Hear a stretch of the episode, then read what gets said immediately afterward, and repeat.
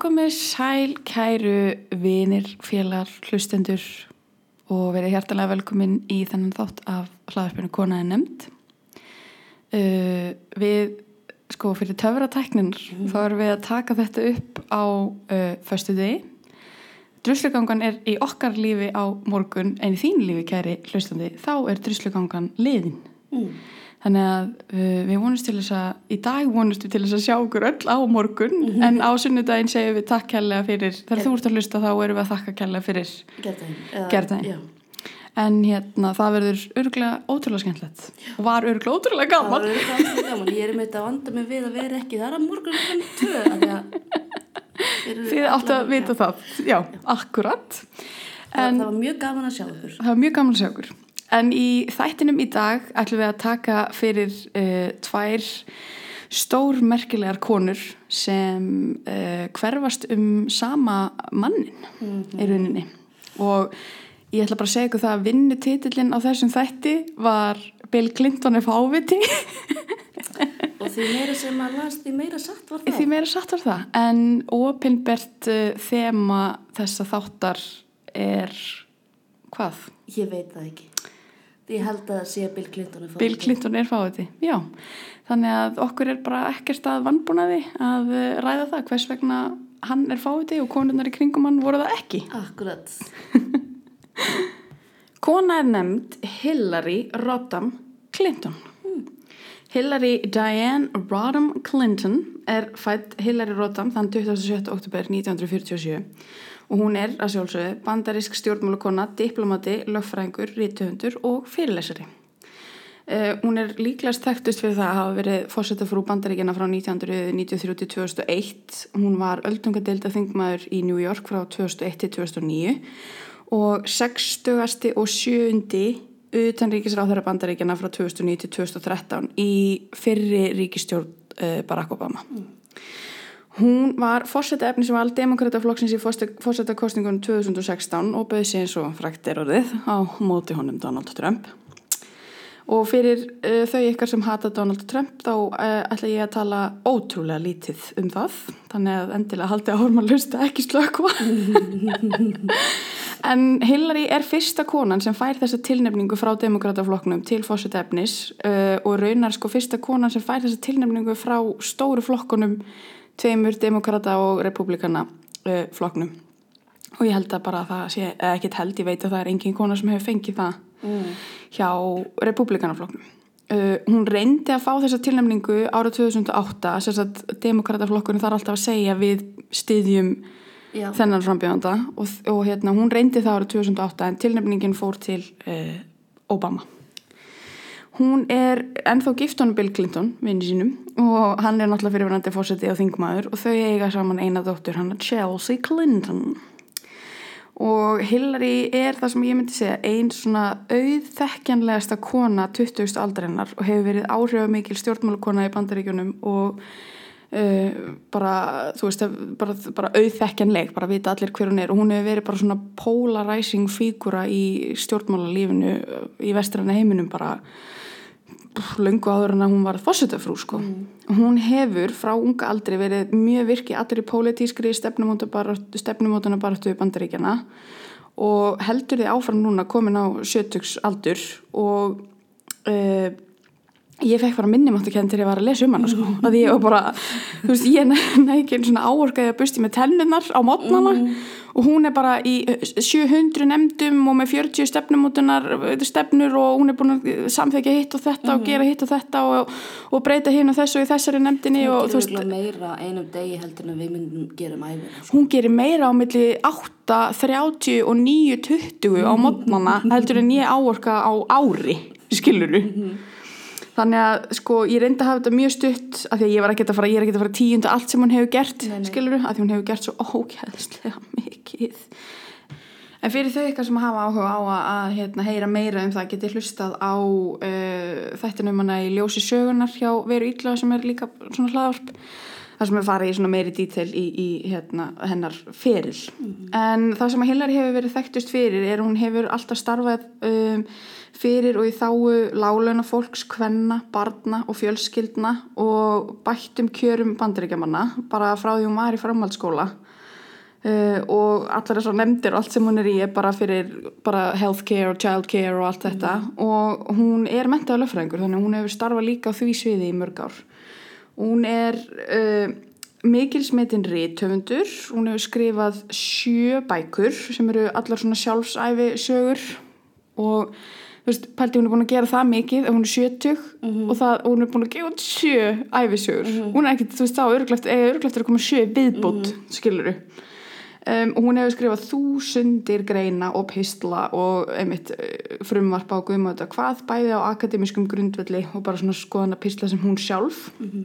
Hún fættist í Chicago var alveg upp í Park Ridge sem er svona fancy útkverfi í Chicago. Hún er elsta dóttir fóreldra sinna þeirra Hugh og Dorothy og pappinar var vestlunareigandi og mamminar var heimavinnandi.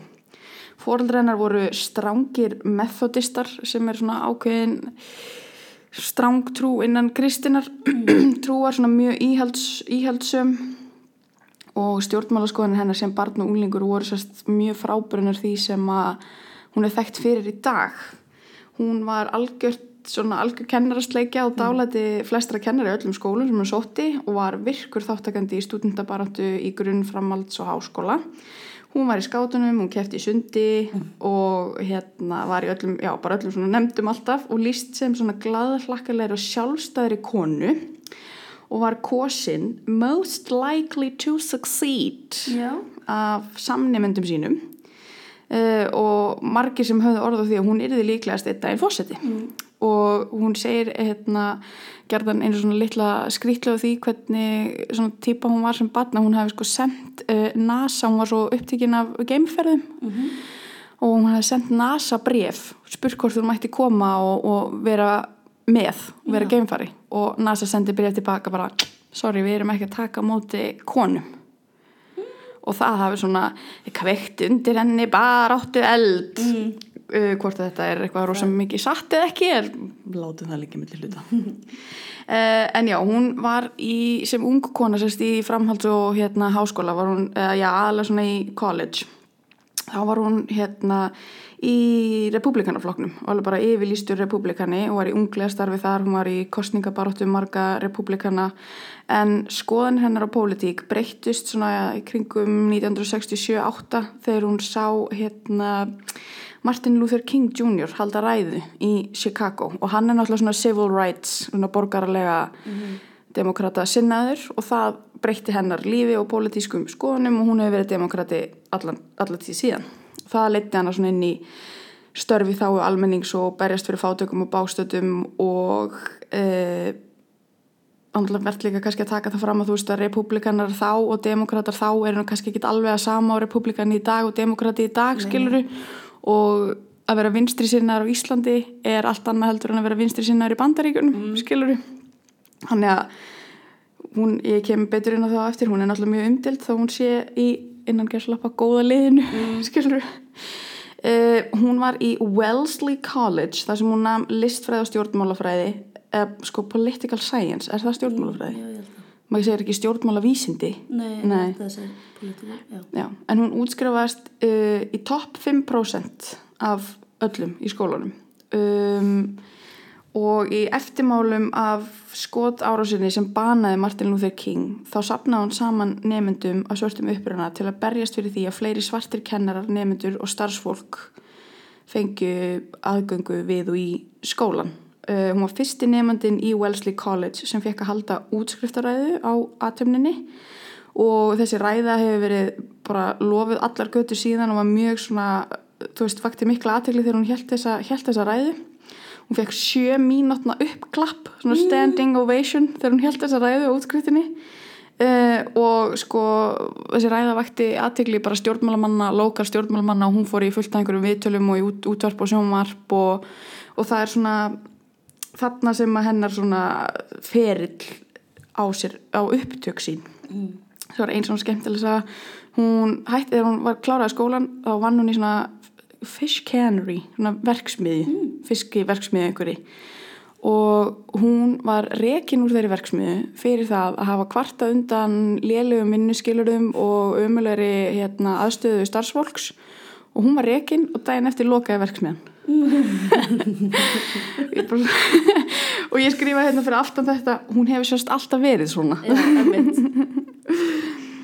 um, en já, eitt sem að er gerðin mjög oft skrifað um hana og sem ég held að sé mjög lýsandi fyrir hennar feril er sko að þrátt fyrir að fóreldrar hennar hafi verið svona mjög kristin og íhaldsum þá kenduðu henni alltaf að vera sjálfstæð og eiga sinn eigin sjálfstæða frama og atvinnu. Og fadir hennar imbraði á því að möguleikar hennar uh, ættu ekki eða spyrja á möguleika hennar og geta ættu ekki að ráðast af því hvers kynns hún væri. Nei, sem er mjög svona progressive fyrir einhvern methodista árið 1970 skiluru þannig að sko hún til dæmis neitaði Bill Clinton margsinnis um hjónaband þegar hann baði hennar af því að hún vildi ekki verða Hillary Clinton. Nei, einmitt. skilur, hún vildi vera Hillary Rodham hún vildi eiga sitt og gera sitt og vera sín eigin manneska og hérna og hefur alltaf verið mjög sjálfstæð. Um, en þau Hillary og Bill kynast í Yale þar sem þau voru bæði lögfræði. Og það er sama saman það er eins og alltaf annars staðar sem er kona drefinu í fætinum. Hún er hérna í öllum nefndum og, og stefnumótunum og er ykkur sjálfbóðlega starfi og guðmóta hvað, hverju einasta ráði og samtökum og bara þú veist endalöst en í Yale árin hennar einkendist mikið af vinnu með fjölskyldum og börnum og bástöðum hún var mikið á barnaspítulum og barnaheimilum. Hún skrifaði mjög virta fræðigrinn á þessum tíma sem heitir Children Under the Law sem að uh, snýr að sko uppeldi barna og barnaréttinda hreyfingunni mm. þar sem hún segir að barna ríkisborgarar, svo sagt child citizens væru valdlausir einstaklingar og hún færði rauk fyrir því að börn ætti að vera metin á eigin verðleikum eftir hverju einu atviki, sem sagt í réttakerfinu, ekki sem bara óhæfir einstaklingar frá því að fólk fæðist að verður átjónara. Já, akkurat. Þannig að, og það er sko ennþá verið að vitna í þessa grein í, í dag, í, í hérna, í þessum akademísku ringum. Og hún var líka faglegur meðlimur nefndarinnar sem stóð að ákæru á hendur Richard Nixon eftir Watergate nexlið sem að leiti náttúrulega eins og fræktir orðið til uppsagnar hans og er náttúrulega mjög frægur skandal. Svo frægur skandal að allir aðri skandalar sem koma eftir þessum skandali heita bla bla bla gate. Já, akkurat. Skilurðu? Akkurat. Mér finnst þetta mjög merkilegt og hún hefði bara átt mjög stóran þátt í því að hérna hann var, uh, honum var stift af stóli. Uh, á þessum tíma og eftir þetta Watergate dæmi þá eru svona stjórnmála spekulantar hér og þar farin að gefa henni auga og vilja að hún verði annarkvort þingmaður eða fari í einhvers konar framborð, framborð, frambóð, frambird, mögulega til fósita. En hún ákvað að flytja með honum Bill sínum til Arkansas þar sem hann var að reyna fyrir sér sem ríkistjóri. En hún þau flytja frá Washington til Arkansas og hún segir að eh, þetta hafi verið eina skiptið á æfinni sem hún hefði ákveðið að fylgja hjartanu en ekki höfðinu. en partur af þessu var líka sko hún hafði ekki náð lögfræðiprófi í sagt, Chicago fylki en hún náði lögfræðiprófin í Arkansas svo hún mm. gæti fengið að vera starfandi lögfræðingur í Arkansas á meðan hann er að reyna fyrir sér að vera ríkistjóri hann er einhverju framabótið þarna á meðan hún er að starfa sem mannréttinda lögfræðingur hún var fyrsta kona sem var með eigandi í Rose Law Firm sem var mjög stóra efnamikil og virt lögfræðistofa í Arkansas og þanga til, sko frá þessu og þanga til að þau fari í kvítahúsi þá er hún á miklu hæri launum heldur en her husband. Ég er bara yes, you go girl. Herru, svo verður hann ríkistjóri í Arkansas. Þá verður hún first lady of Arkansas mm. ríkistjóra frú. Og hún gegnir því embætti þarna í 12 ár á milli 79 og 81 og svo aftur milli 83 og 92 og ótrúlegt en satt í svona 400 nefndum á meðan þessu embætti stóð. En þar byrja svona fyrst gaggrinnin sem átti sér eftir að ken, uh, einkenna tíma hennar sem fórsetta frú að hún væri að skipta sér of mikið af og hún ætti bara að leifa manninum sínum að sjá um alla vinnuna. Akkurat. og þetta væri ekki not very first lady like Já. Um, en hún reyndi allar tíð að halda í sitt sjálfstæði á þessum tíma. Hún var ennþá, þegar hann er ríkistjórið þarna fyrst 79-81, þá er hún ennþá útífinnandi, ennþá fyrir vinna fyrir þetta löffræði fyrir maður hana og hétt ennþá Hillary Rodham og kynnti sér þannig og skrifaði undir alla pappir þannig uh, og var mjög gaggrind fyrir þetta að hún átti náttúrulega væntanlega að vera Hillary Clinton eða Miss Bill Clinton Já, og standa bara einhverju drakt við liðinu honum og vera sæt og, og bjóði eitthvað tepóð skiluru um, en og, og þetta fór það mikið í töðunar á öllum að í setni kostningabaratunars þegar hann er, sérst, uh, verður ríkistjóri þannig annarsinn þá breyttu nafninu sínu í Hillary Rodham Clinton. Uh, stundum leifði hún það að vera nefnd Mrs. Bill Clinton hún tók sér starfsleifi frá lögfræðistofunni til þess að sannfæra kjósendur um að hún stytti við mannin sinn 100% og öll hennar aðtegli væri á því hvað hann væri að gera og væri duglegur sem fylgistjóri þú veist og þarna er hún skiluru að berjast fyrir börnum og þú veist hún var í fræ, mjög frægu nöðgunamáli þar sem að barni var nöðgað og vann það skiluru Akkurat. en hún þarf að taka sér hlið frá þessum mikilvægu störfum til þess að standa og veifa Já, akkurat, og já. er eitthvað, já, ég er stiðmannin. Emmitt. Árið 1983 þá var hún kosin kona ársins í Arkansas og árið 85 var hún kosin móðir ársins í Arkansas en uh, dóttir þeirra hjóna Chelsea fættist árið 1980 og hún uh, fekk þetta náttúrulega fyrst og fremst fyrir það að berjast svona mikið fyrir börnum og fjölskyldum sem stjórnmálaktivisti og lögfræðingur. Og árið 91 uh, er hún útnefndur 100 áhrifa mestu lögfræðinga í bandaríkjunum. Þannig að uh, það, hún, þú veist, þetta er þetta, já, þetta er ekki hægt. Þetta er, maður, ég er bara með minnum að kent núna skilur það er svo árið 1992 uh, þar sem að aðteklin beinist að þeim hjónum á svona alþjóðlegum grundvelli og skala þegar að hann Bill Clinton býður sér fram sem fórsetta bandaríkina og um leið og það gerist þá koma sögur og byrtingar í fjölmjölum strax um það að hann Bill hafi verið að standa í framhjóhaldi með söngkonu, söngkonunni Jennifer Flowers sem ég veit ekkert hver er en hún er einhver country söngkona þannig úti. og hann harði neita því alveg svolítið þess og kruss. Og þau koma fram í 60 mínútum saman hjónin þar sem að hann sjálfur þvertekur fyrir þetta framhjóhald en viðurkennir að hafa innan gæsalappa ollið sársöka í hjónabandinu. Maður svona Já, já, ég held að svona 90% því sem ég mun segja eftir er um orðaðan hans. Einmitt, þú veist ég bara, ok, eh, já, alltaf uh, og margir benda á þessa framkomi hjónana uh, að hún hafi verið til þess að bjarga fórsetakostninga baráttu hans. Þess 60 minnins náttúrulega mjög virtu þáttur og viðtalið þótti einlægt og sína styrk í hjónabandinu og það var það sem fólk kunni að meta. Og kunni náttúrulega meta að hún hjælt kæfti mest, eh, mest allan tíman í þessu viðtali. Og bara já, ég stið manni minn í öllu sem hann segir og gerir og Guð blessi manni minn og Guð blessi Arkansas og Guð, Guð blessi Bandaríkin En sko, í kostningabaratunni sjálfur síðan, þá verður það sko strax öllum ljóst og var bara svona bara viljandi gert í kostningabaratunni að Hillary myndi ekki setja aðgerðalaus á meðan maðurinn hennar stjórnaði landinu.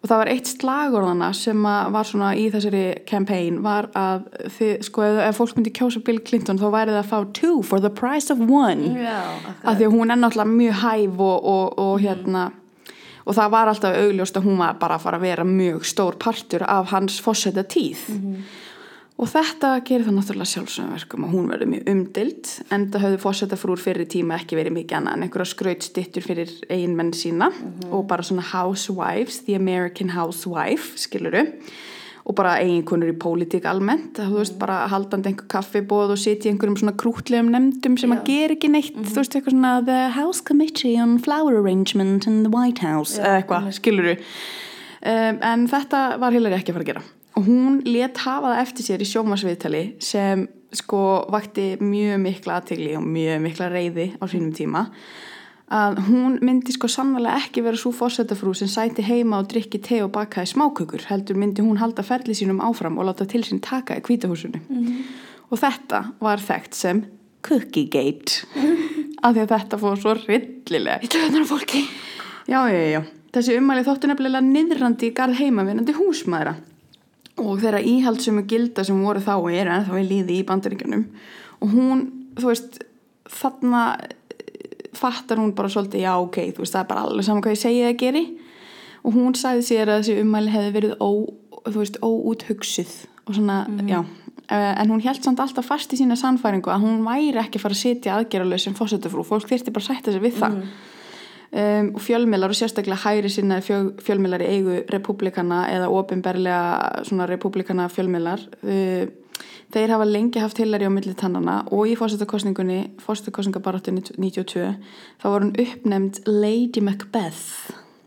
Uh, og það hefur loðað við hana allar götu síðan en Lady Macbeth er náttúrulega úr Shakespeare uh, leikritinu Macbeth og konan, hún sérst gift lávarði Macbeth en hún sannfærði lávarðin um að drepa konung Skotlands svo hún geti orðið drottning mm. þannig að þetta er notað um svona formidable women Já. sem að stjórna mönnunum sínum eitthvað svona baktjálta dæmi, mm -hmm. skiluru Uh, ég náttúrulega hef ekki séð þetta leikrit en þetta er bara það sem Wikipedia sagði mér uh, og sérst já, þetta er nota til þess að lýsa konum sem hafa óæskileg eða jafnvel glæpsamleg áhrif á valdamikla eiginmenn sína þannig að já, þetta hefur bara loðað við hann allar götur síðan og þegar Bill er svarin inn sem fórseti í janúar 93 þá verður Hillary Rodham Clinton fórsetafrú og hún er fyrsta fórsetafrúin sem var með háskólagráðu og eigin starfandi feril áður en að kvítahúsið er komið Já. Pældi því. Mm. Þetta er 93, hún er fyrsta fórsetufrúin með háskólagráðu. Mm. Einmitt. Tími hennar sem fórsetufrú einkendist ekki aðeins af hennar einn umdeldu sköndulum heldur einnig markaður af framhjáhaldi um mannsins hennar mm. með henni Monica Lewinsky og þessari söngkonu sem ég nefndi á hann Jennifer Flowers og þegar að Monica Lewinsky skandalinn kemur upp þá kemur þessi Jennifer í fjölmila og segir bara jep, þetta bara, þetta smellur allt heim og saman, ég er búin að eiga í sambandi við hennar mann í 12 ár Mm. um, og hún heldur því fram að Hillary hafi líka alltaf vita það og það er þarna sem að þessar svona sögursagnir verðum að þetta sé bara svona eh, ekki arranged marriage, hvað segir Nei, maður svona, svona bara, bara samband. pólitíst samband ástarsamband. og ástin sé farin úr, úr augum þeirra Mhm. uh, Hillary er sjálfur oft líkt við Eleanor Roosevelt sem var eiginkona Franklin Delano Roosevelt og var fósettafrú en hún var áhrifamikil í pólitískum ferli einmann síns og en munun á því að sko Eleanor Roosevelt er svolítið mikið svona hampað og hún er alltaf sínd í svona mjög jákvæðu ljósi mm. við Hillary Clinton en þær voru mjög svipaðar skilur og voru bara svona einmitt, bara hvern skurungar en ég skrifa það bara upp á einhverja svona post World War II nostalgíu skiluru Já, akkurat. ég er ekki svo viss um hún að vera svona vinsæl Eleanor sko þegar hún var hérna, þegar hún var uppi Nei, einmitt. En ég veit það ekki. En gaggrinendum þeirra hjóna og þó auðvitað helst republikana fannst hins vegar algjörlega ótækt að fórsetafrúin og öruglega bara konur yfir höfuð hefðu svona mik mikil áhrif á ákvarðanatöku fórsetans og þetta var endalis gaggrind bara hist og her út um allt í þessum republikana fjölmjölum og í sjómasviðtali við Katie Couric uh, á þessum tíma bara rétt eftir að hann er hérna, orðin fórseti þá spyr hún Hillary út í hennan samanbur við Lady Macbeth og hvernig henni líði með þessi áhrif sem hún hafi og þessi völd sem hún hafi yfir mannum sínum og, og gaggrinina á því. Og, hún sagði það því að eftir allt og Katie Couric segir að því að eftir allt saman þá er það hann sem er kosin en ekki þú. Mhm. uh, og hún svarar þetta er mjög krútlegt sko þannig er hún komin í eitthvað svona einhverja drakt með einhverja slaufu og einhverja slæðu á að vera eitthvað svona southern þú veist, því þau er náttúrulega frá Arkansas skiluru og hún segir I don't know that I have any more influence than anybody else who is an advisor to the president. Þú veist bara nenni að hætta að spyrja mig Já. skiluru sem er náttúrulega auðvitað alveg rétt af því að og þetta dregur náttúrulega líka bæði úr hennar vinnu og vinnu mannsins hennar þú veist að hann sé einhver aumingi Og líka einmitt bara, þú veist, einmitt, hann er með, þú veist, advisors og svo er hann með, þú veist, kona sína sem er háskólamöttuð og búin að með því líka starfsveitslu. já bara má alveg hafa skoðan veist líka bara auðvitað myndi hann byggja hana um sko. Veist, Þetta er ekki, þetta er ekki endilega það að hún hafi verið eitthvað að forsa það á hann. nei, nákvæmlega. en það er náttúrulega bara fyrir töðnar og fólki að þarna sé fossetin og fossetafrúin jafningjar og sé að koma að borðinu sem jafningjar mm skilur það er náttúrulega það, það er ekki hægt sko. Þetta er mjög ótækt.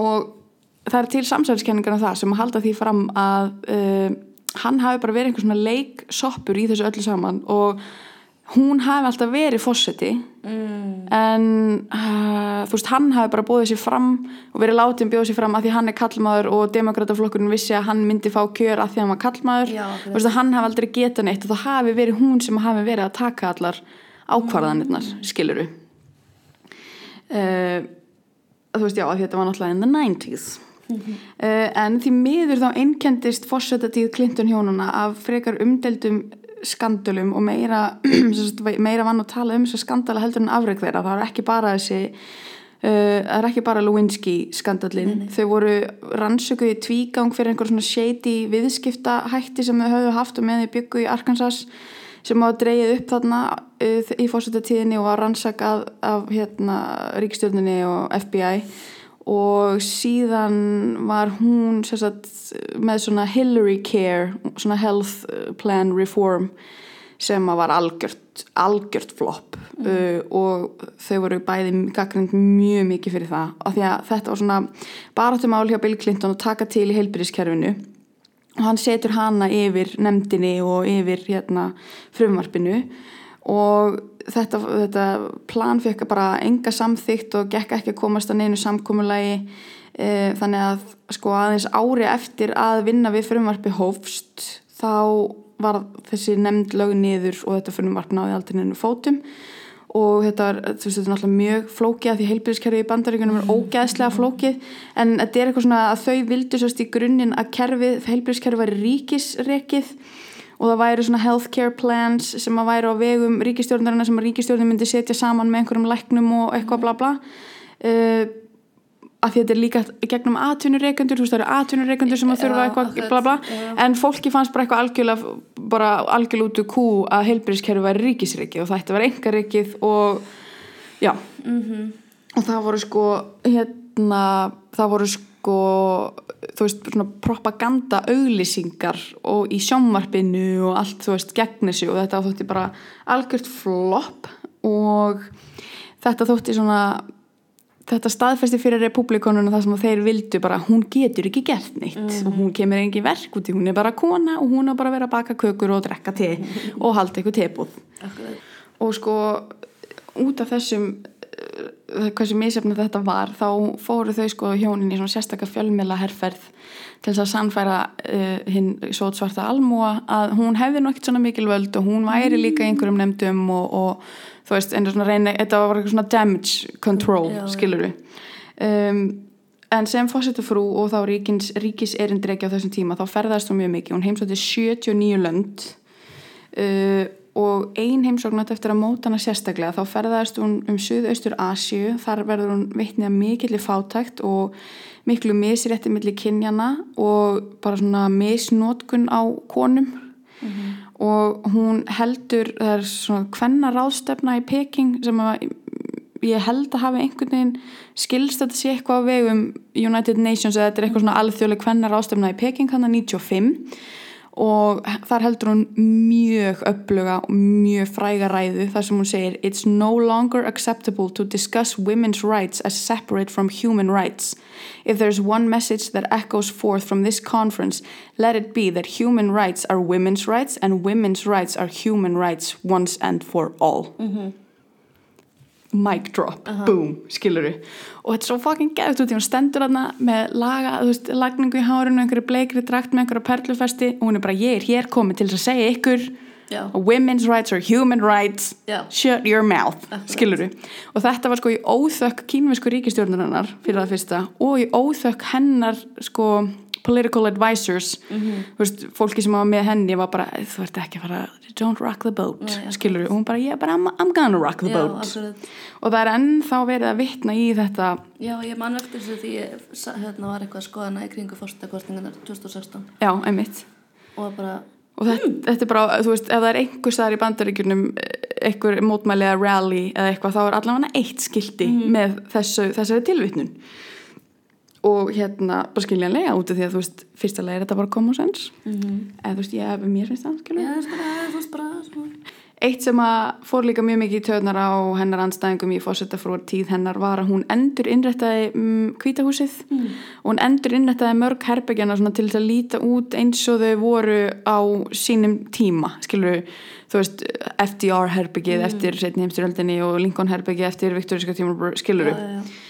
Og uh, hún færði skrifstóna sína úr uh, austurálmunni að því að sko the west wing, svona vesturálman er aðal álman og þar eru allar kalla skrifstofnar og allir ráðhörarnir og the situation room sem er þarna stóra herbyggið þar sem merkileg, allir merkilega hlutinni gerast skilur og hún var bara, já, ég nenn ekki vera þarna hinum einn í álmunni ef ég á að vera í þessari ríkistjórn þannig að ég vil fá skrifstofu hér í vesturálmunni in the thick of it. Akkurat. og það var allir bara, nei það, þú veist, nú sest þú niður skilur Þú fórseta. þú ert kona og þú átt að baka kökar en hún fekk þetta í gegn.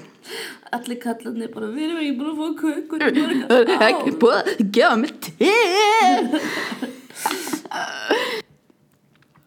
og eins og ég var að segja á hann með þessa skandala sem að marka þú veist þeirra tíð þarna í kvítahúsinu það er náttúrulega þessi Lewinsky, þessi framhjálpsskandal og svo þessi fastegnaskandal og þetta allt veist, þetta spilar svo mikið inn í almenningsálitið á henni þá og enn þann dag í dag sem að ég einhvern veginn gerði mér ekki grein fyrir skiluru, Nei. af því að við þekkjum þetta kannski ekki og við náttúrulega vorum ekki uppi heldur þegar þessi skandalar eiga sér stað, veist, ég man svona veikli eftir veist, Skandalunum. maður bara veit af því skilur Já, einmitt. En sko almenningsálið á henni þegar þau fara þarna úr kvítahúsinu þá eru þessi skandallar allir búin að ríða þarna yfir og þetta er svona mjög tvískipt. Hún var annarkvort lofuð fyrir íhaldsemi sína og fyrir það að standa með manninu sínum og standa með amerískum gildum og kristnum gildum og ekki skilja og bara sterk og allt þetta eða þá hún var bara meðvirkur aumingi eða svona plottari þú veist bara að, þú veist og margir voru að segja að hún væri bara svona enabler þú veist og einmitt hún væri bara svona einhver plottari og lævís eitthvað svona mí, mí, og það væri allt bara eitthvað svona politist tjónaband sem að væri bara fyrir þeirra, þeirra framapot skilur um, og en svo, samt svo fyndi að því að á þessum tíma þá sko skaust almenningsálitið það er eitthvað svona mætt, eitthvað svona approval ratings eða bla bla bla og almenningsálitið á henni var sko sj- 70% betra heldur en það var af því að apparently fannst öllum bara eitthvað frábært og hún stæði við bakið á manninum sínum, ég, ég skildi ekki skilur um, en svo þegar að þau fara úr kvítahúsinu þá uh, verður hún öldungadeilda þingmaður í New York. Og hún var fyrsta eiginkona fórseta sem að sóttist eftir að hlaut kjör sem þingmaður og fyrsta konan sem var kosin öldungadelda þingmaður New York fylgis þannig að hún náði auðvendlega endur kjöri aftur þarna 2006 og ég get ekki tíunda allt sem hún gerði þarna á þessum þingmanns árum sínum. En þegar 11. september 2001 átt sér stað þá er hún alltaf ný orðin þingmaður. Hún var fremst í flokki þeirra þingmanna sem að treyðu fjármögnun fyrir uppbyggingu á svæðinu á World Trade eh, Memorial Center og þar sem hún hafði sko ekki mikil tengsl í New York fylki, hafði aldrei búið þarna eitthvað, þá var hún ekki mjög vinsæll þingmaður og þetta er náttúrulega líka rétt eftir alla þessa skandala. Þannig að á sérstökum svona góðgera tónleikum sem haldni voru í oktober sama ár, þá var hún búið niður á sviðinu. Á meðan að Bill Clinton kemur, þá var hann ekki fórsætti skiluru og hann er bara klappaður í döðlur.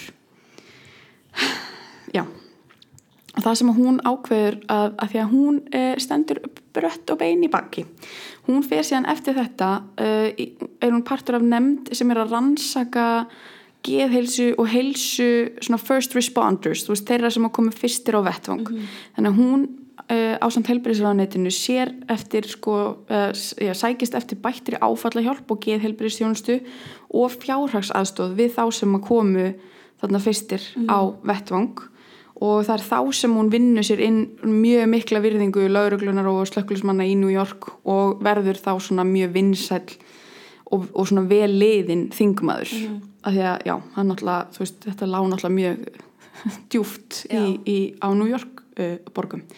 Í millitíðinni þarna þá reynir hún fyrir sér í fórsetakostningunum 2008 eins og ég sagði en tapaði hennar- hendunar á Obama en í fyrir fórsetatíð Obama þá var hún ríkis, nei, utanríkisráð þeirra segi ég.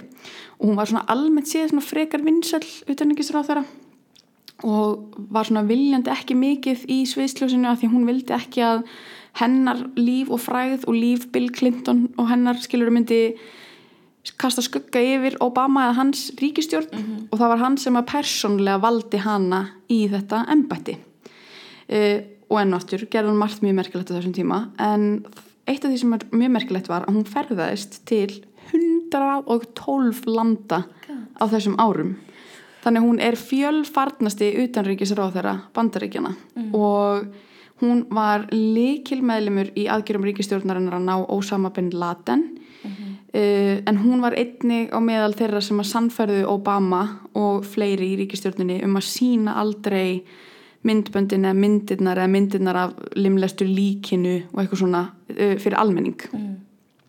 að hérna, það vætti bara ekki heima ja, í augum almennings en einn versti skandallin sem hún lendir í á sinni æfi er þegar hún er utanríkisráð þeirra og það er það sem kallast Benghazi skandallin og það gerist 11. september 2012 um, og það gerist þess að í mjög stuttum máli að uh, einhver íslamsk uh, óvinna öfl ráðast á uh, herstöð bandaríkjana, svona litla herstöð band, uh, bandaríkjana í Benghazi í Líbíu. Og uh, þarna deyja þrýr ameríski ríkisborgarar hátsettir einhverjir officerir í hernum og einhver svona sendi herra eða erindreki.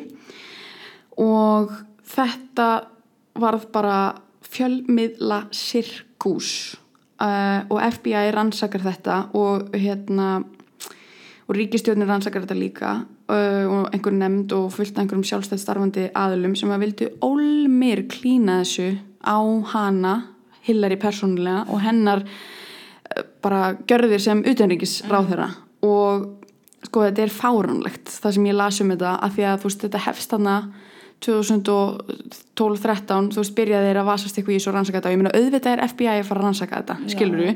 en republikanandi vildi bara, þú bara þetta er bara henni að kenna. En hvernig er það henni að kenna að einhver aftökusveit mætir Já, akkurat. þú veist, þú getur ekki stjórna öllu Nei, skiluru og það sem að gerist er að þessum rétturhöldum líkur sko fyrst árið 2014 og þá kemur FBI og segir heyrðu, það bara, þú veist, var ekkert uh, óhreint í pókahotninu þarna það var ekkert sem að einhver hefði geta gert verð eða betur. En við ætlum bara að loka þessu máli og engar kærur verða lagðar á hendur hvorki utanríkistjórninni nýja utanríkisráðherra.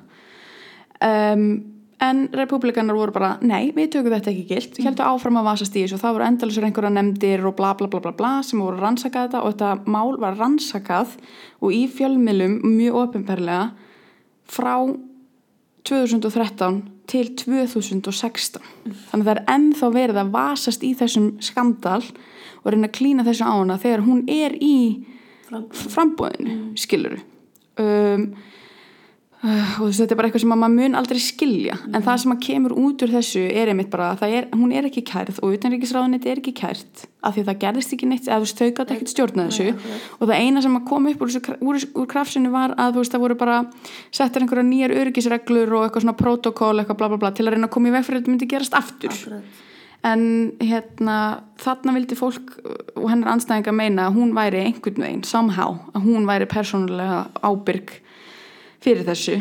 Uh, og það sem að skadaði líka orðsbrannar á þessum tíma er að hún veikist uh, á þessum tíma, hún datt og fekk heilarhisting og fekk eitthvað blóðtapp út frá því og eitthvað bla bla. Og fólk vil náttúrulega sjálfsögðu meina að það hafi verið einhver leikur og bara leikarskapur svo hún myndi sleppa að fara í að því hún þurfti sem sagt, að sleppa við ákveðnar vitna leiðslur Já. þannig að málið dregst eitthvað svona smá langin Já, já. að svona, já, hvað er hún akkurat veik bara enn að þrejum dögum ára og mæta fyrir rétt? Þetta er nú bara samsæri skiluru þannig að, já og margir svona pólitíkusa spekulantar í bandaríkjunum vilja meina að skandalarnir sem gerust þegar að þau voru fósita hjón Benghazi skandalin og svo uh, tölvuposta skandalin sem kemur bara tíu mínútur í kostningar hafi bara verið henni að falli um, en það er alltaf svo fárlegast er að þetta hefði líklegast ekki orðið kallmanni að falli af því að þú veist Donald Trump er fósiti Já, ak akkurat, já. Mm. Og það er maður sem er ekki laus við skandala. Nei, nei, akkurat og líka, þú veist, hún er búin nýra sviðinu en ekki Bill Clinton mm Já, nei. mhm og þú veist og Bill Clinton það er bara eins og allir séu búin að gleyma því að hann hafi bara verið að halda við einhverja 22 ára stelpu sem var að vinna í Já, kvítahúsinu akkurat. nei, hann spilar á saxofónu og svo hryllilega viðkunnulegur og almennlegur. Hvað er að en hún hérna Hann spilar á saxofón, það er það er ein, heyra. já, bara getur enginn verið vondur sem spilar á saxofón Mm. en þessi sest, já, hún býður sér fram hann til fórseta og hún fær tilhemningu demokrata fram með Bernie Sanders en tapa fyrir Donald Trump og e-mail skandallin er bara það sem er hennar banavegin í þessari kostningabartu vegna þess að hún fekk meiri hluta af the popular vote Já, en minni hluta af kjörmanna delegate vote eða hvað það heitir Akkurat. skilur sko Uh, flestir almenni demokrater aðhyldust Bernie frekar því hann er meira liberal og hann talaði gegn auðvaldi og kapitalism og svona sem er eitthvað sem að millennials og margir ungið demokrater tengdu miklu meira við Mhm. af því að hún er búin að vera in the public eye og hún er búin að vera í skandal eftir skandal eftir skandal eftir skandal og fólk tengir hann alltaf sjálfsög við bara stríð og kapitalism og hún er algjör Já, hún er algjör, hún er bara war supporter, þú veist algjörlega, skilur við uh, og er náttúrulega mjög tengd við veist, svona stór peningu öfl og Wall Street og bara leiðandi pólitísk að hérna, en svo náttúrulega líka er hún kona þannig að það eru settir á hana uh, hvað segir maður, svona herri staðlar, já. skilur við en uh, þessi e-maila skandal snýrist bara í grunninn um það að bara kort er í ángríns, ég held að það hafi verið bara einhvern tíu dögum eitthvað áður en að kostningarnar eru að þá kemur FBI og segir heyrðu, við erum að rannsaka það að hún sem utanríkisráð þeirra notaði persónlegt tölvupóstfang sem að fer á eða svona persónulegan server, hvað, tölvu þjón eða eitthvað og við erum að rannsaka það hvort að það hafi verið einhverjar trúnaðar upplýsingar sem hafi farið þarna á milli.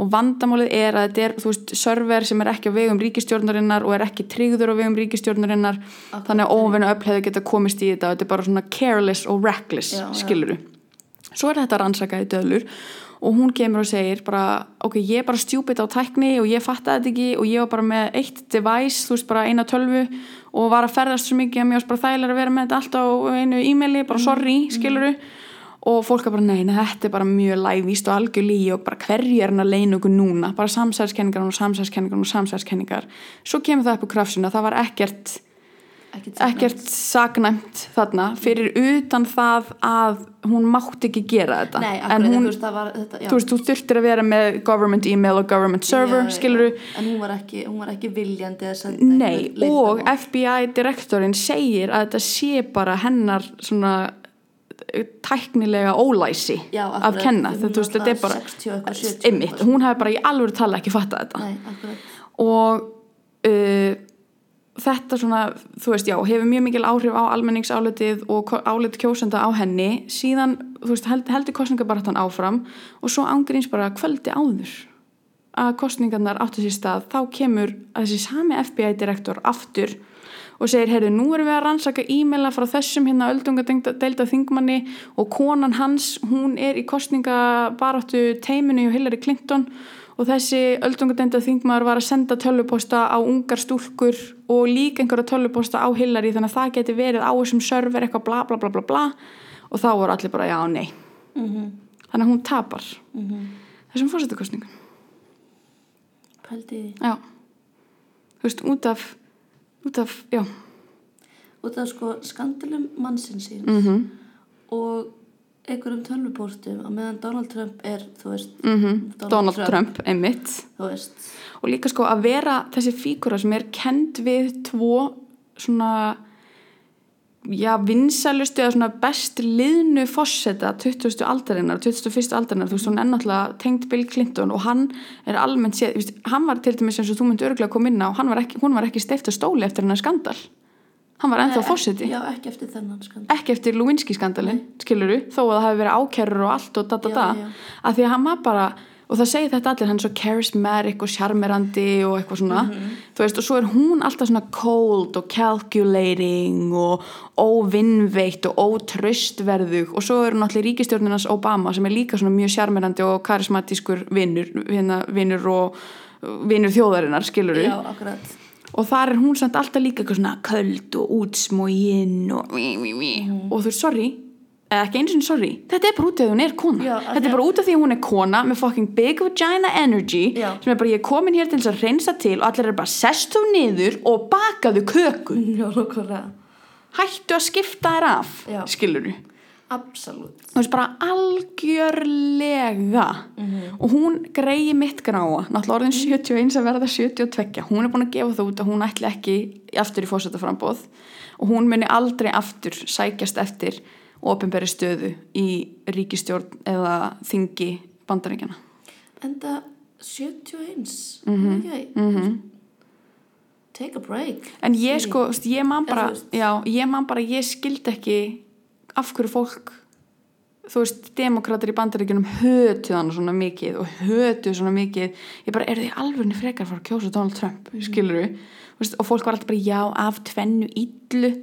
Og var ekki fyrir en ég fór að lesa þetta og ég var eitthvað að tala með þetta um mömmu líka í gæri og svona, hún bara, hún hefur alltaf verið ógeðslega umdilt Mhm. og ég bara, það er að því hún er er kona. Absolutt.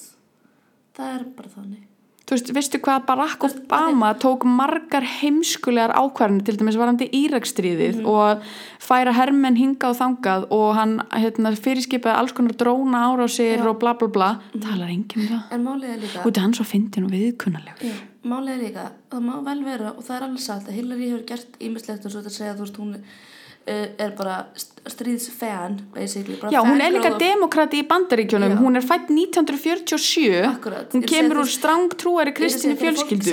eitthvað, hún er nú líka slæm. Já, já, þú veist, það er alveg margt slæmt innan gerðslega sem hún hefur gert. Ég get alveg samþýtt það, bla, something, something politics Já, já.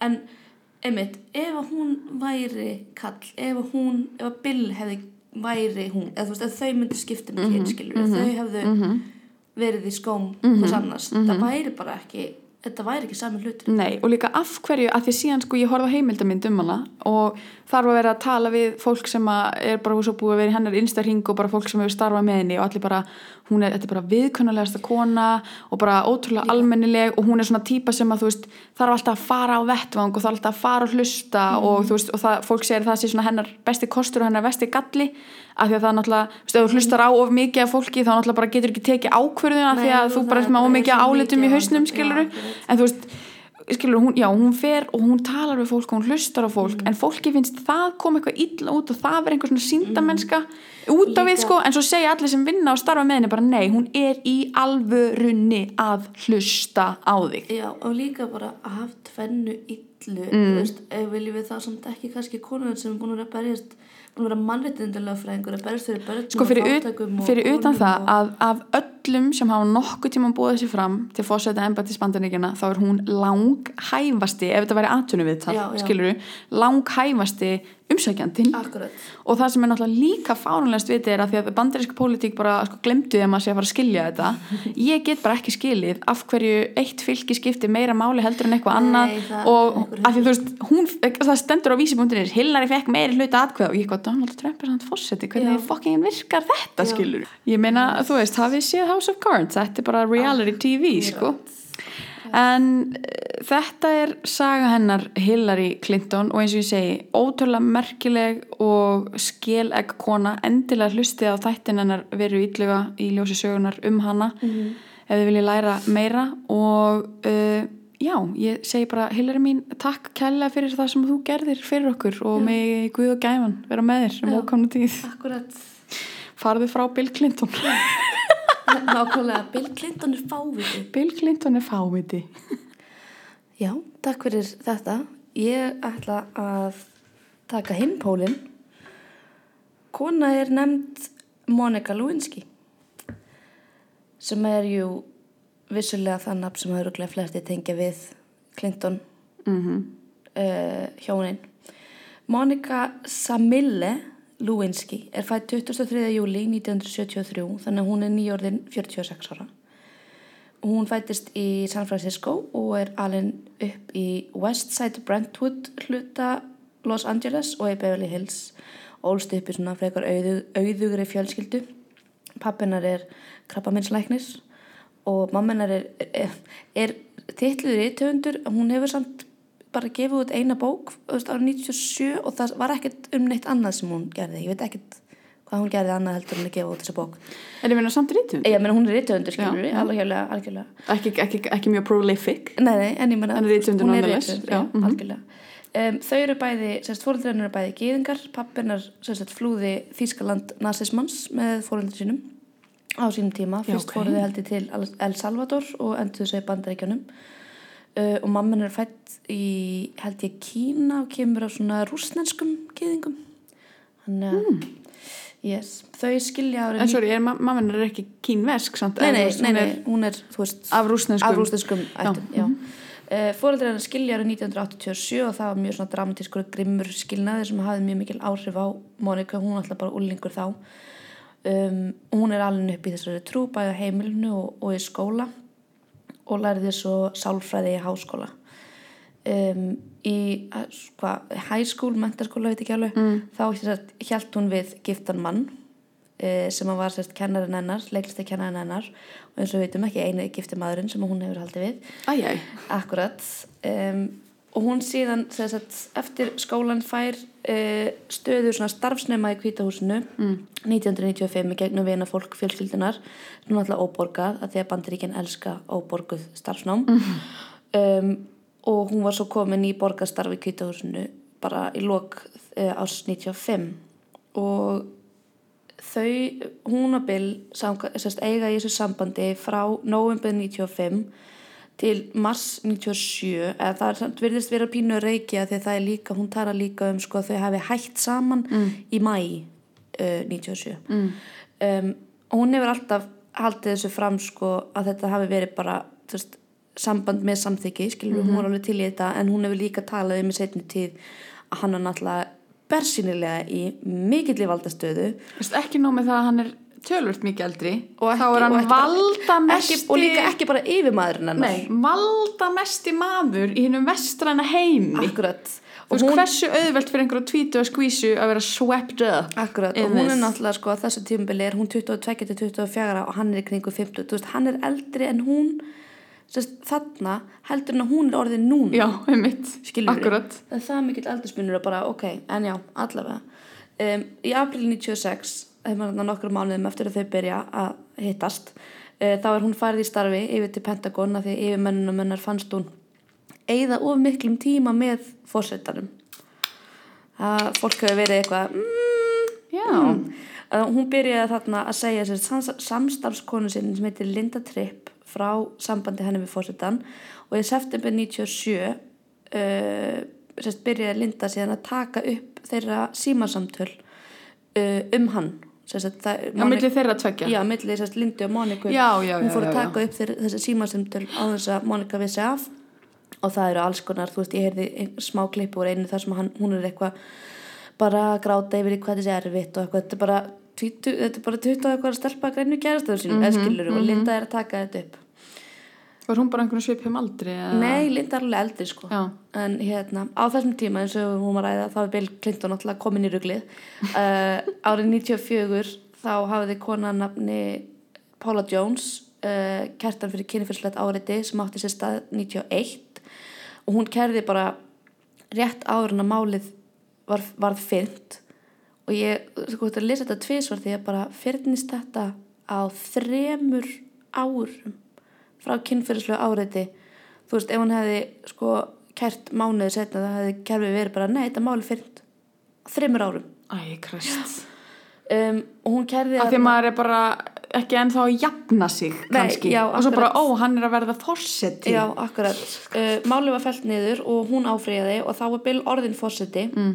og það var náttúrulega eitthvað mál með að það megi ekki kæra fórseta og eitthvað dæmi hann í bandaríkunum.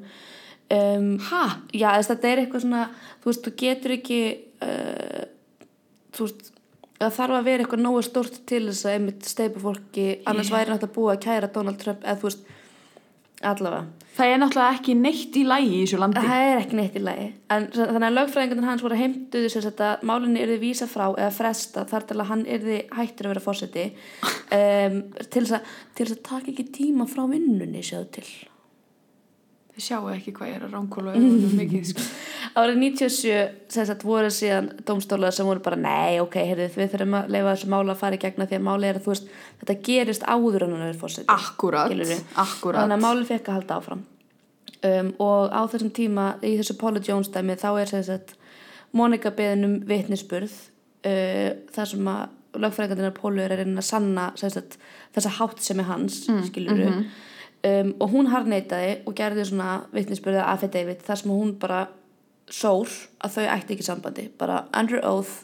Ú, perjury bara. Mhm. Ó, og reyndi að byggja Lindu vinkonu sína, hana líka ljúandi reið en í staðinn let Linda sagt, lögmann sem heitir Kenneth Starr fá þessar upptökur og hann var þá að rannsaka það sem að kallast Whitewater skandallin sem ég held að sé sem er festegna skandallin sem ég var að tala um Já.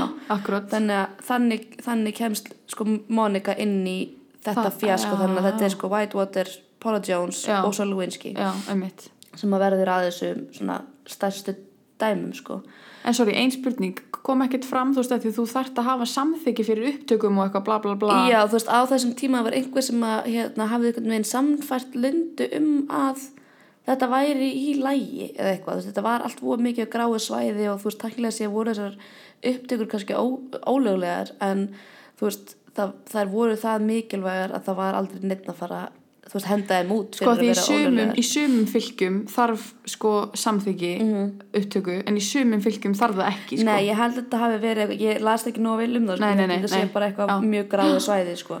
Uh, hérna en sem ég segi, ég ætla að fara út í þessa pólitík en þarna var hún sem sagt, dregin inn í sviðsljósið, Monika og í tett fyrirlesturinn sem að hún hjælt uh, Geðveikur tætt fyrirlestur Mhm. by the way þar sem sagt líst um því hvernig þetta var svona eitt af fyrstu málunum sem að kemur fyrst og fremst fram á netinu. Já, eitthvað veist, akkurat. að þetta er náttúrulega 98 þú veist, ný- internet er svona að taka sín fyrstu skref þú veist, og fólk er að uppvita það að það getur haft aðganga fréttum í rauninni hvað sem er hverjum sem er náttúrulega ekki með snjálfsíma hvað sem er en svona, þú veist og það er uppfæðast náttúrulega miklu hraðar og heldur en og ert, sjómar já, og þú ert ekki bara að reyða þig á kannski einhverjar fimm fréttastofur og fimm, þú veist, útgefna prentaða miðla, Nei. þetta er bara hver sem er Akkurat. getur farið á netið og skrifað ég hef þessa skoðun og ég er að segja Akkurat, frá og þessu máli á, á og þessari hlið, á þessum tíma líka, þú veist, eitthvað senda einhverja töluposta og einhverja bandar að sína á milli og þú veist, umræðan verður miklu hærri.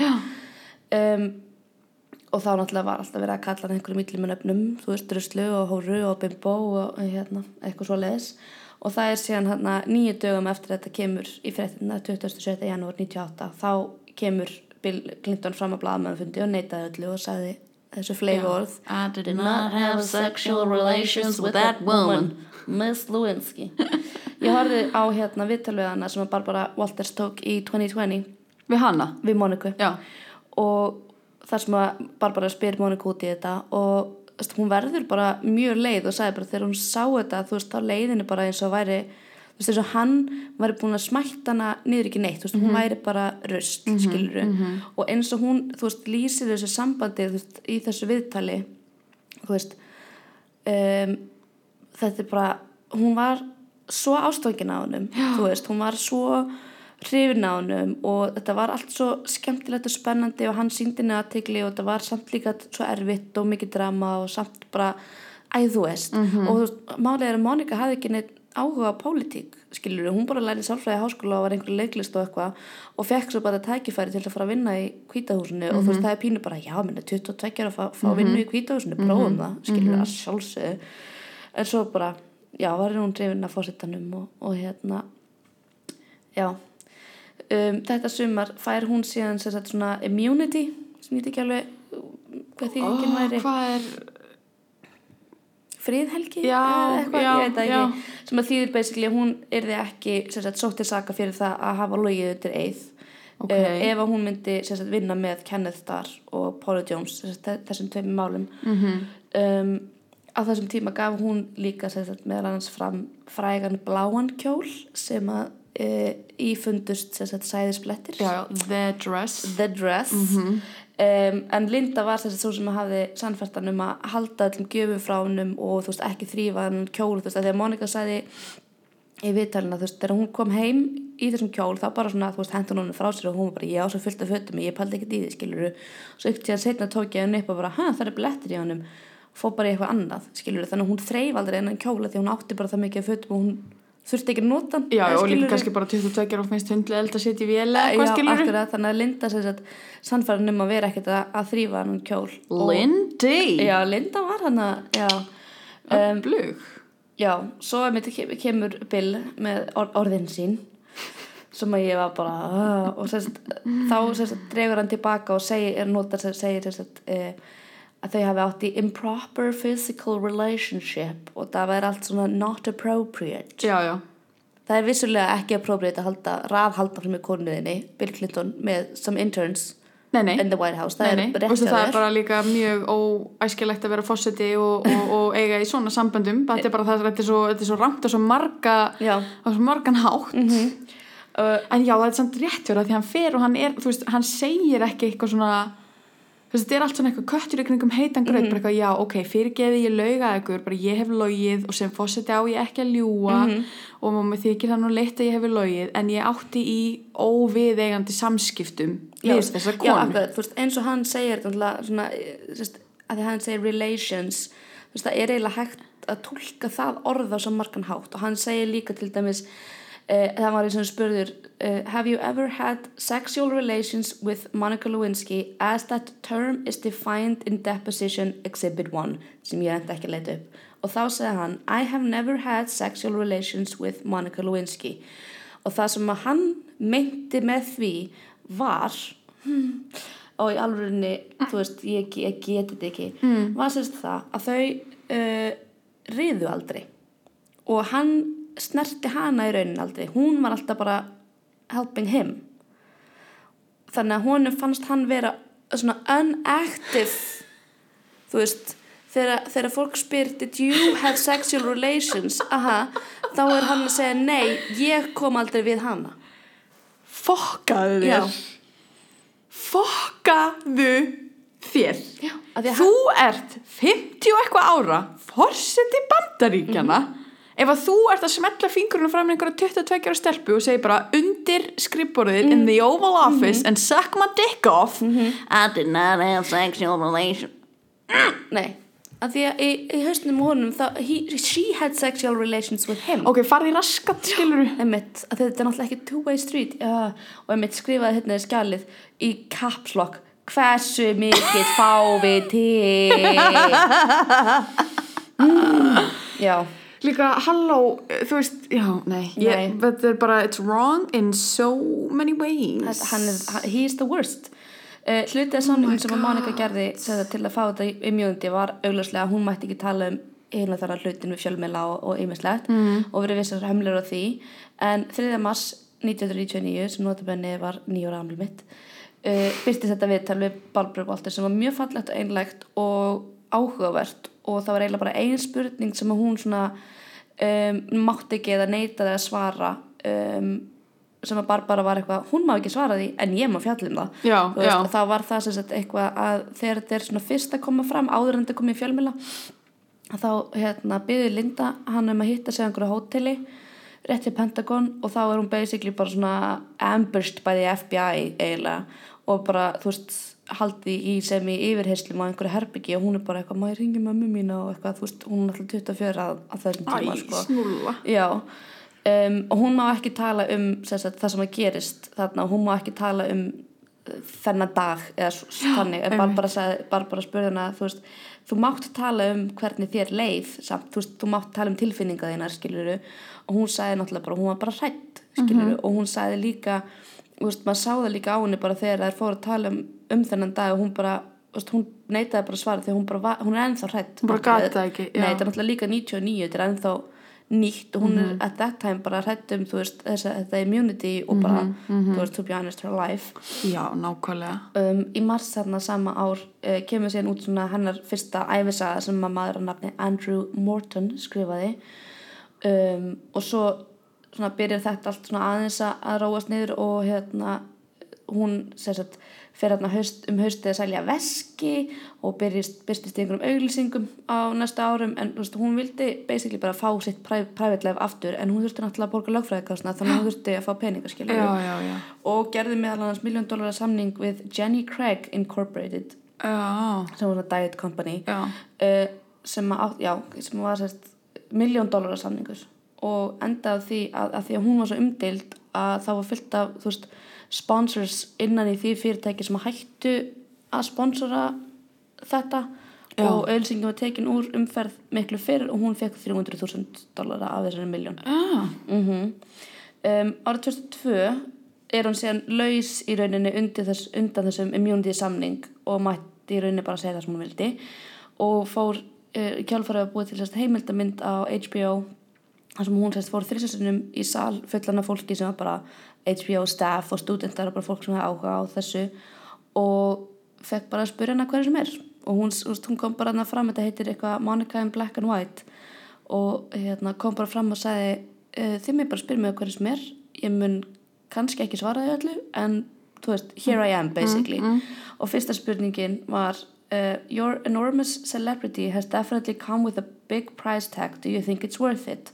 Og hún bara immediately bara, nei það er ekki einu sinni smá þú veist, hún vildi aldrei vera, sem ég segi, hún hafði ekki áhuga á pólitík, hún vildi ekki vera fræg þú veist, Nei, og líka bara- þó að þið langi sjúklega mikið að vera frægur, er þetta það sem þú vilt vera frægur af fyrir? öllum hlutum þá er þetta ekki Af að þú veist, þetta er bara slut shaming one oh fucking one. Mhm. og þarna upp úr þessari 2023 þá, og svo orðinni bara 2005 þá er lífið bara orðið að mikið fyrir hana auðvarslega og hún flyttir til London til að taka master í félagssálfræði mm. útskrifast með master á því 2006 og hjælt svo sér bara fyrir utan sviðsljósið bara, og bara lifið sínu lífi og hérna og svo, svo sett, já, svo byrjar hún að koma svona hægt og hægt aftur fram uh, hérna kringu 2014 eitthvað svo leiðist þá er hann uh, með hann tætt fyrirlastur og er að aðstofa við það er einhver sem var að skrifa einhverja masters eða doktorsritgerð um sagt lúanski skandalinn sem hún hjálpaði til við og já, svo sagt já, þessi tætt fyrirlastur hann er snild Þetta er magnaður þetta er tett magnaður fyrirlistur af því að þú veist, hún gef, að því að fólk vill náttúrulega bara heyra hennar það vill bara spyrja hann út í þetta skilur Mhm. og hún er í þessum tættfyrirlisti að gefa manni nóg Mhm. af skandalnum en samt ná að láta þetta veist, snúast um það sem að skilabúðin er í raun og veru sem er náttúrulega einelti og neteinelti og bara mannvonska í rauninni.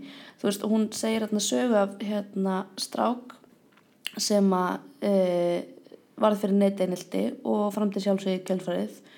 Og hún sagði þegar þetta kom upp og það kemur upp 2008, 9 minnum mig.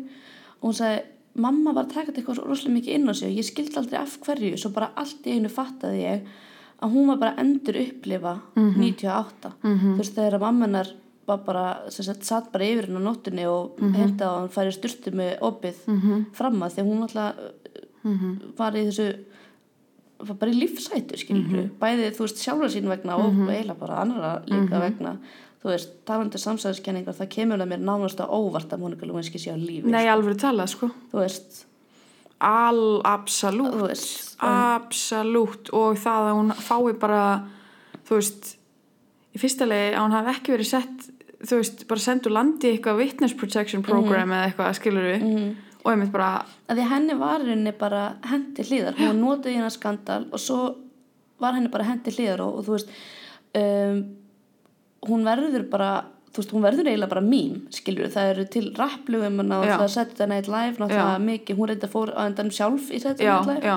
en þú veist, hún verður bara hún- svona hún þessi fígur Já, akkurat, hún, svo- það er máli, hún er bara fígur og hún er bara eitthvað svona caricature, þú veist, eitthvað svona, Já, og það sem hún er með að segja núna þegar hún er að tala um þetta, allt þetta net einelti og það er bara, þú veist og segir í viðtalinu við Barbara líka og, og bara í mörgum viðtalinu bara fólk gleymir því að bakvið Monica Lewinsky er manneskja og fjölskylda og bara, þú veist, líf mm og þetta Barbara Walters viðtal, þú veist, hún er náttúrulega bara 25 þar og þú veist, hún er bara svo það sem ég dýrkaði líka við það var að hún var bara þú veist, talaði svolítið mikið um að meiga vera sensual, hún alltaf tala um þetta skilur 90 eitthvað, að vera bara pínlítið svona owning her sexuality.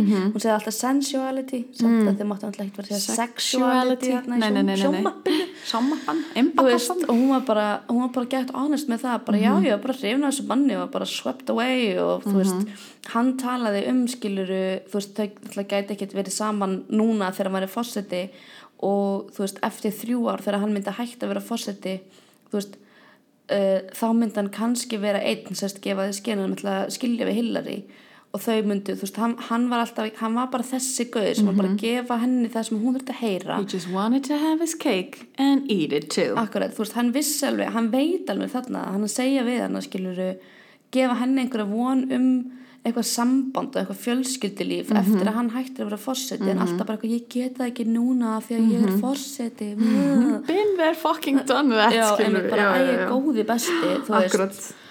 Að hérna um, já, ég reyndi að klára ekki að horfa á þetta Monica in Black and White en það lítur út fyrir mjög áhugavert og mm -hmm. fráttur að ekki séð það, mæli ég satt með því.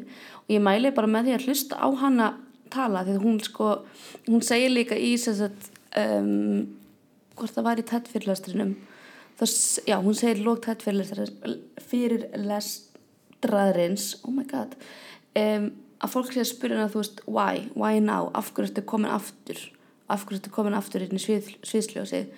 Og hún sagði bara að það er tími. Þú veist, það er tími til þess að losa mig við þessa fortíð. Þú veist, segja mína sögu almennilega losa mig við þessa fortíð og nota hana í eitthvað gott. Mm -hmm. skilur það, er, ko- það er tími á að átta okkur á því hvað við erum að gera fólki þegar við gleymum því að fólk sé fólk. Og hún s- var að tala um þú veist, þess að auðvelt um, að lesa skilur æsifréttir á netinu og það er náttúrulega að lifa á kliks skilur því meira sem þú opnar einhverja frétt því hærri hérna, auðlýsingatekjur hefur af henni og maður verður svo samdaunaði mm -hmm. þess maður verður svo samdaunað þessu, þessu hatri og þessu, svona, þessu slúðri mm skiluru og því meira samdaunni sem hún verður því því meira klikkaru líka segir hún. Og hún sagði þú veist við þurfum bara að vera, þú veist, hafa meira empathy. Við þurfum bara að vera betri. Við þurfum bara, þú veist, hugsa um fólk og hérna, mér finnst hún orðið þetta mjög skemmtilega. Uh, try walking a mile in someone else's headline. Aha, þú veist. Mm -hmm. að þú veist, það var bara það sem hún var. She was just a headline, þú veist, hún var bara eitthvað nafn. Mm -hmm. hún var bara eitthvað sem að einmitt, þú veist, þessi uh, tími bandaríkjana gatt notað sem, þú veist, hún var the villain, já þú veist og svo horfði ég á stutt uh, viðtal við Hillary sem er frekar nýlegt man ekki alveg síðan hvernig er það sem einhver náttúrulega minnist af Monika því það er bara þær munu alltaf Þetta þurfa að heyra af. Það salt og skilurðu. já. og þú veist, maður sér alveg ég, maður sér alveg á Hillary hvað hún er hvað það er erfitt fyrir hana mm -hmm. en hún er samt bara já, þú veist, Monika má bara segja það sem hún vill og hún má bara lifa sínu lífi eins og hún vill og ég bara vona henni gangi vel að lifa sínu lífi eins og hún vill. Mm -hmm. skilur að því þú veist uh, Monika náttúrulega segja hluti um ljóta hluti um mann sem að Hillary ennþá gift mm -hmm, skilur þannig að maður skilur alveg að Hillary fíli hann er kannski ekki í botn en hún verið samt bara svona Monika kemur mér bara ekki við. Nei, Og sérstaklega Nei, ekki núna, Nei, 25 og líka, árum seinna, ok, skilurðu. og líka, sorry. Þetta er bara, þú veist, ég skil ég skil fólk sem að reyðist út í manneskuna sem að framhjóldið er með en ekki maka sinn, fatti já, já, þú veist, ég skil það en á sama tíma er ég bara, það er samt makinn þinn sem er að brjóta á þér. Akkurat. þú og þessi maki eru búin að segjast alltaf að vera saman og þeir eru með samkomulega sem virkar fokking á báða vegu, mm. skiluru þannig að ekki fara að taka reyði þína út á þú veist, ekki saklausum einstakling, en Nei, nei. einstakling sem að er ekki, braut ekki á þér, skiluru Nei, akkurat, og er líka sérstaklega í um, þessu ég tilfelli er að segja, talandi um í þessu tilfelli 22 þar sem hún er 22 ára, hann er 50 og eitthvað, skiluru nálægt 60, skiluru Nei, hann er 49 þegar þau byrja. Hann er 49, já ok, já já en ég meina þú veist, hann er valdamesti maður í heiminum. Akkurat. Og hún er mitt segja líka hún byrjaði tætt fyrirlesturinn á sko, þú veist, rétt upp hendi ef þú gerðir ekki mistök þegar þú veist 22 og allir eitthvað, hei, það gerði allir mistök og 22 og hún bara, já, akkurat, við gerum öll mistök en hérna, og þú veist, sem okkar svo í yfirmennunum ykkar en kannski flestum tilfellum Ekki forsetanum. ekki en sko, það, já, þetta er einhvern svona Nei og svo er enginn að fara að segja mér að það hafi ekki verið fleiri fórsetar bandaríkjana sem að hafi átt í einhvern svona ósæmilegum, ég meina bara eins og við vorum að tala með fyrst að þetta er bara JFK og Marilyn Monroe skilur Akkurat. þú veist, hún var náttúrulega kannski aðeins eldri. En hérna, þú veist, þetta kemur náttúrulega bara þú, þú ert að tappa inn í ákveðið sætgæst, þú ert að tappa inn í ákveðin tíma. Ef þetta hefði gerst 1901 hefði þetta verið allt öðruvísi. En að þetta er að gerast akkurat náttúrulega í sko þremur öðrum sköndulum sem þau eru að gangi gegnum og er verið að rannsaka. Og svo einmitt netið og allt þetta veist þetta er bara akkurat þessi tímasetning for better or for worse sem að breytir öllu Já. skilur að því einmitt, þú veist, ok, minna, þarna er þessi Jennifer Flowers búin að stíða fram þarna er Paula Jones að Mhm. kæra hann fyrir kynfyrsett áreiti en samt einhvern veginn eru það nöfn sem ég hafði aldrei heyrt áður. Nei, nei.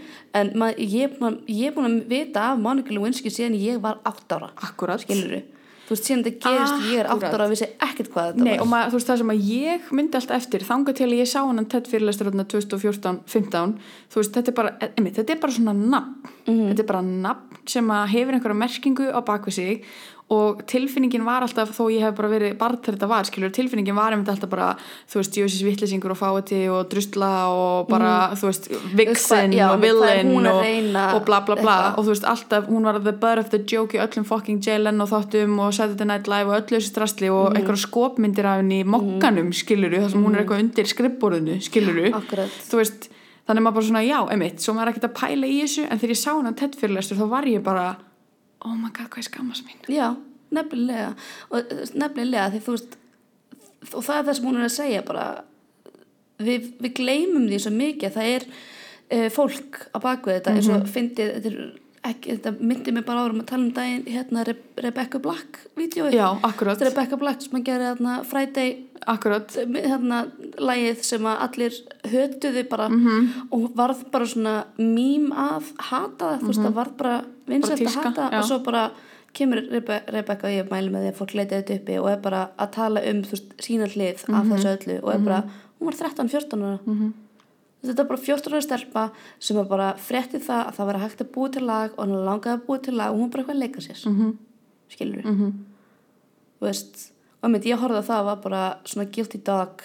Akkurat, bara, komið góð, þú veist, hvað, hvað er aðmanni akkurat, þú veist, að láta svona. Akkurat. Og þú veist, eins og, eins og alltaf við getum öll gert mistök og bla bla bla en það sem maður þarf bara að gera er bara að hlusta á fólki sem Monika Lewinsky og læra af því. Mm -hmm. skilur við, sem er. Og búin að og- lifa í gegnum þetta. Og þú veist, ok, ég skil alveg að spyrja eitthvað akkur er núna, hvað ert að græða á sig núna? Bara heyrðu, hvað erum við ekki að græða á sig Já, núna, akkurat. skilur akkurat, þú veist, þetta er eins og þegar að fórnarlöfum koma löngu, koma fram kannski löngu eftir að broti á sér stað eða þú veist, aðleina kannski látin eða eitthvað svona, einu á einu tíma skildi ég það ekki nei, akkurat er bara, akkur þegi ég ekki bara einu sinni Mhm. en svo þú veist, einmitt fattaði ég, þetta er skítaskoðun Mhm. ég ætla ekki að vera með þessa skítaskoðun af því svo heyrir maður sögurnar og maður er bara augljóslega Mhm. þú veist, ég get ekki ímynda mér hvernig var að vera fucking 22 ára og getting swept away í þessu drasli sko. akkurat, 22 þú veist, maður, maður hvað voru við að gera þegar skilurðu. hvað voru við að gera þegar við vorum 22 ára ég var nú reyndur að kaupa mér íbúð en allt í lagi þú veist, ég var ekki Nei. með vitsmunulegan þroska Nei. til þess að takast á veist, sko jafnvel að þetta hefur verið Ólaf Ragnar Grímsson, skilur eða þú veist bara fósitt Íslands, eða þetta hefur verið einhver sjálfmerandi það hafi fósitt bara, þótt að þetta hefði eftir tæm bara verið sko, vakstjórnir þinn í hagkaup eða eitthvað skilur þú veist, bara, bara aldursmunurinn býr til Einmitt. valda og jafnvægi. Og þú veist, ég er all for þú veist, love has no age bla bla bla, en það er samt alltaf einhver takmörk á því. Já, já, og þú ert augljóslega að notfæra þér það þarna, hann er, í er þessu- augljóslega í þessum aðstæðum að notfæra sér þennan aldursmun, akkurat. skiluru og Og hann var aldrei alveg sama hvort að þau, hann og Hillary elska hvort annað en þá, þau eru aldrei að fara að hætta saman. Nei, aldrei, þau drepast á sama tíma og Já. verða jörðu hlið við hlið skiluru, og þess vegna er ég líka þegar fólk er eitthvað, hún er bara í einhverju plotti og hún er bara að þú veist halda sér í, þú þessu samböð, það er bara já og nákvæmlega. Fyrsta lagi þá getur það líka bara verið eitthvað samkomulega á milli þeirra sem að kemur okkur ekkert við mm en líka bara at this point þegar maðurinn er búin að raðhalda fram hjá þér af hverju ekki bara kapitilisera á þú veist hans Akkúrat. völdum akkurat, skilur að vera bara, herri já, þú ert núna fósiti, mm -hmm. valdamesti maður vesturna heimsins og þú, þú veist, þú ætlar að koma mér áfram. Akkúrat. why not? líka að því hún er svo 100% fullkomlega meðvitið um vankanta uh, sína út af við sem kona eða skilur þú veist bara almenningsáleti og allt þetta svo hún er alveg, Hillary Clinton er alveg meðvitið um það að það er komið fram við hann öðruvísi og hennar standardar eru öðruvísi mm eingöngu vegna þess að hún er kona og hún hefur alveg oft gefið það í skinn og sagt það berum orðum og þú veist og bara haft orð á því hvað republikanaflokkurinn er bara endalust á mótinni skiluru og þessi hæri sinnaða pressa þú veist. Og það var líka partur af þessu uh, að þau náttúrulega þú veist, hún trúði því að fyrst að þetta hefði átt sér stað sko. Og þetta væri bara slúðupressa hæri stjórnarinn sem væri bara koma, Já, akkurat, koma já, með já. einhverja samsæðiskenningar gegn manninu en til þess að steipa honum á stóli sko. Mhm. Og pælti svo þurfa að kingja því bara já, þetta er hundraðasta konan sem að maðurinn þú veist, ég, Já, þú veist ég þú veist, held að þú veist að kingja því að svo kemur þessi kona með kjól sem er bókstælega með DNA úr tippinu á manninu skilur ekki bara eitthvað að þú veist að hann frussaði og yfir hana eða grenjaði auksleita á henni heldur bara já, akkurat, já, akkurat. Mm nei, ég- sko, ég ímynda mér bara að ég hef alltaf, þú veist, og núna er orðið skilur Bill og Hillary, Billary, þú veist, þetta er orðið svona þetta er orðið svona þeng, þetta er orðið hugmyndafræði á bakvið þetta, þú veist, svona pólitísk sambönd eru orðið bara, já, þau eru bara Bill og Hillary, já, þau eru bara Bill og Hillary skiluru, þú veist, þetta er bara þetta er bara phenomenon sem er þekkt. Þú veist, ég ímynda mér að Hillary hafi ekkert verið eitthvað sár yfir þessu, hún hefur verið bara, ert að láta þetta fucking koma fram í fjölmiðla bara, þú ættir að halda þessu akkurat. Svo líka hérna fannst mér mjög hérna, áhugavert í þessu Barbara Walters uh, viðtali að hún spyr hana út í Lindu og hún segir sérst við Móniku uh, að Linda hafi sagt að hún myndi vilja faðma Móniku. Og Móniku bara svona, hún bara svona hún verður svo reið, maður sér bara á hann hvað hún verður reið og svona út í lindu. Og já, hún er, hún er brjálu út í Lindu. Og bara bara segir, þú veist, er eitthvað sem þú myndi vilja segja við Lindu? Og Monika er bara nothing, bara hún er svo veist, hún er svo reyðið hana fyrir að hafa gert sér þetta, því ég held sko bæði veist, já, og involverða líka allríkis laurugluna Já, og veist, ég held líka sko, veist, það sem ég held að hún sé sárust yfir er sko meira það að hún var að treysta vinkonu sinni fyrir sambandserfiðleikum eða sambandinu sínu, skiluru þetta ung og svo er hún einmitt bara, she's ambushed þú veist. Bara, já. Þetta er Monika Lewinsky. Ég, hún er svo flott og hún er svo um, þú veist einlæg. Þú veist það er svo auðvelt einhvern veginn bara að svona það er svo, það er svo auðvelt að hlusta á hana og ég er mjög spennt fyrir að klára að horfa á hérna, Monika in, black and white. in Black and White. Það er, ég held að það sé mjög sko áhugavert. Já, að það, fel, það líka sko opnar á sama tíma þú veist inn í hérna, myndinni. Þú veist það er að koma uh, klippur úr fréttum at the time sem er svona búið til aðeins meiri Já, kannski sögu, sögu, þannig. já, ég held að það verði mjög áhugavert. Já, maður þarf að kíkja þetta. Já, en ég held að Monika Lewinsky er alveg klárlega svona um, ein af táknmyndum druslu skömmunar já, bara ever. Bara fyrir, já, já, já, þú hún var bara branded with a red letter skilur al- algjörlega. algjörlega. En sástu hérna sástu, það var eitthvað það var svona Twitter þráður sem að fór í mikinn bara fyrir ekkert svo, óg- bara fyrir kannski viku eitthvað síðan,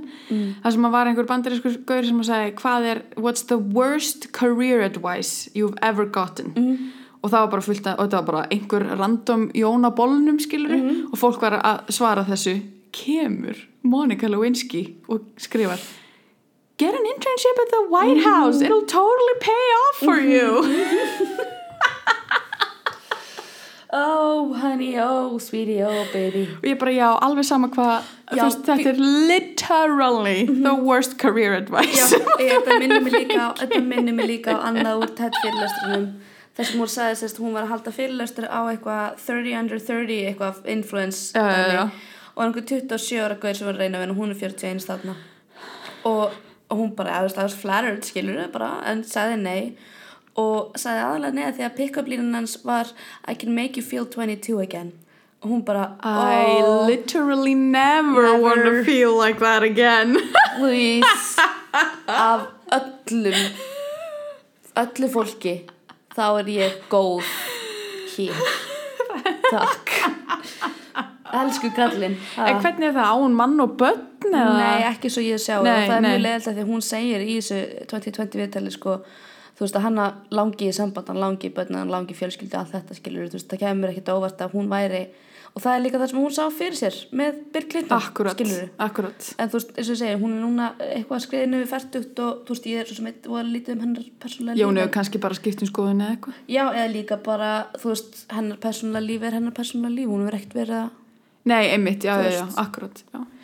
en as far as I know, þá er hún ekki gift og ekki börn. Nei en hörku kona eitthvað síður. Mhm. bara, bara gert. fína skál. Monica Lewinsky. Og Hillary Clinton. Er þessi kjóllin þá til? Ætla hann sé á einhverju safni ég veit ekki, ég veit ekki The dress, sér það ekki fyrir rammaður inn svona litli hvítir blettir svona neðst á faldinu. bara, hluti sem ég þarf ekki að sjá í lífinu.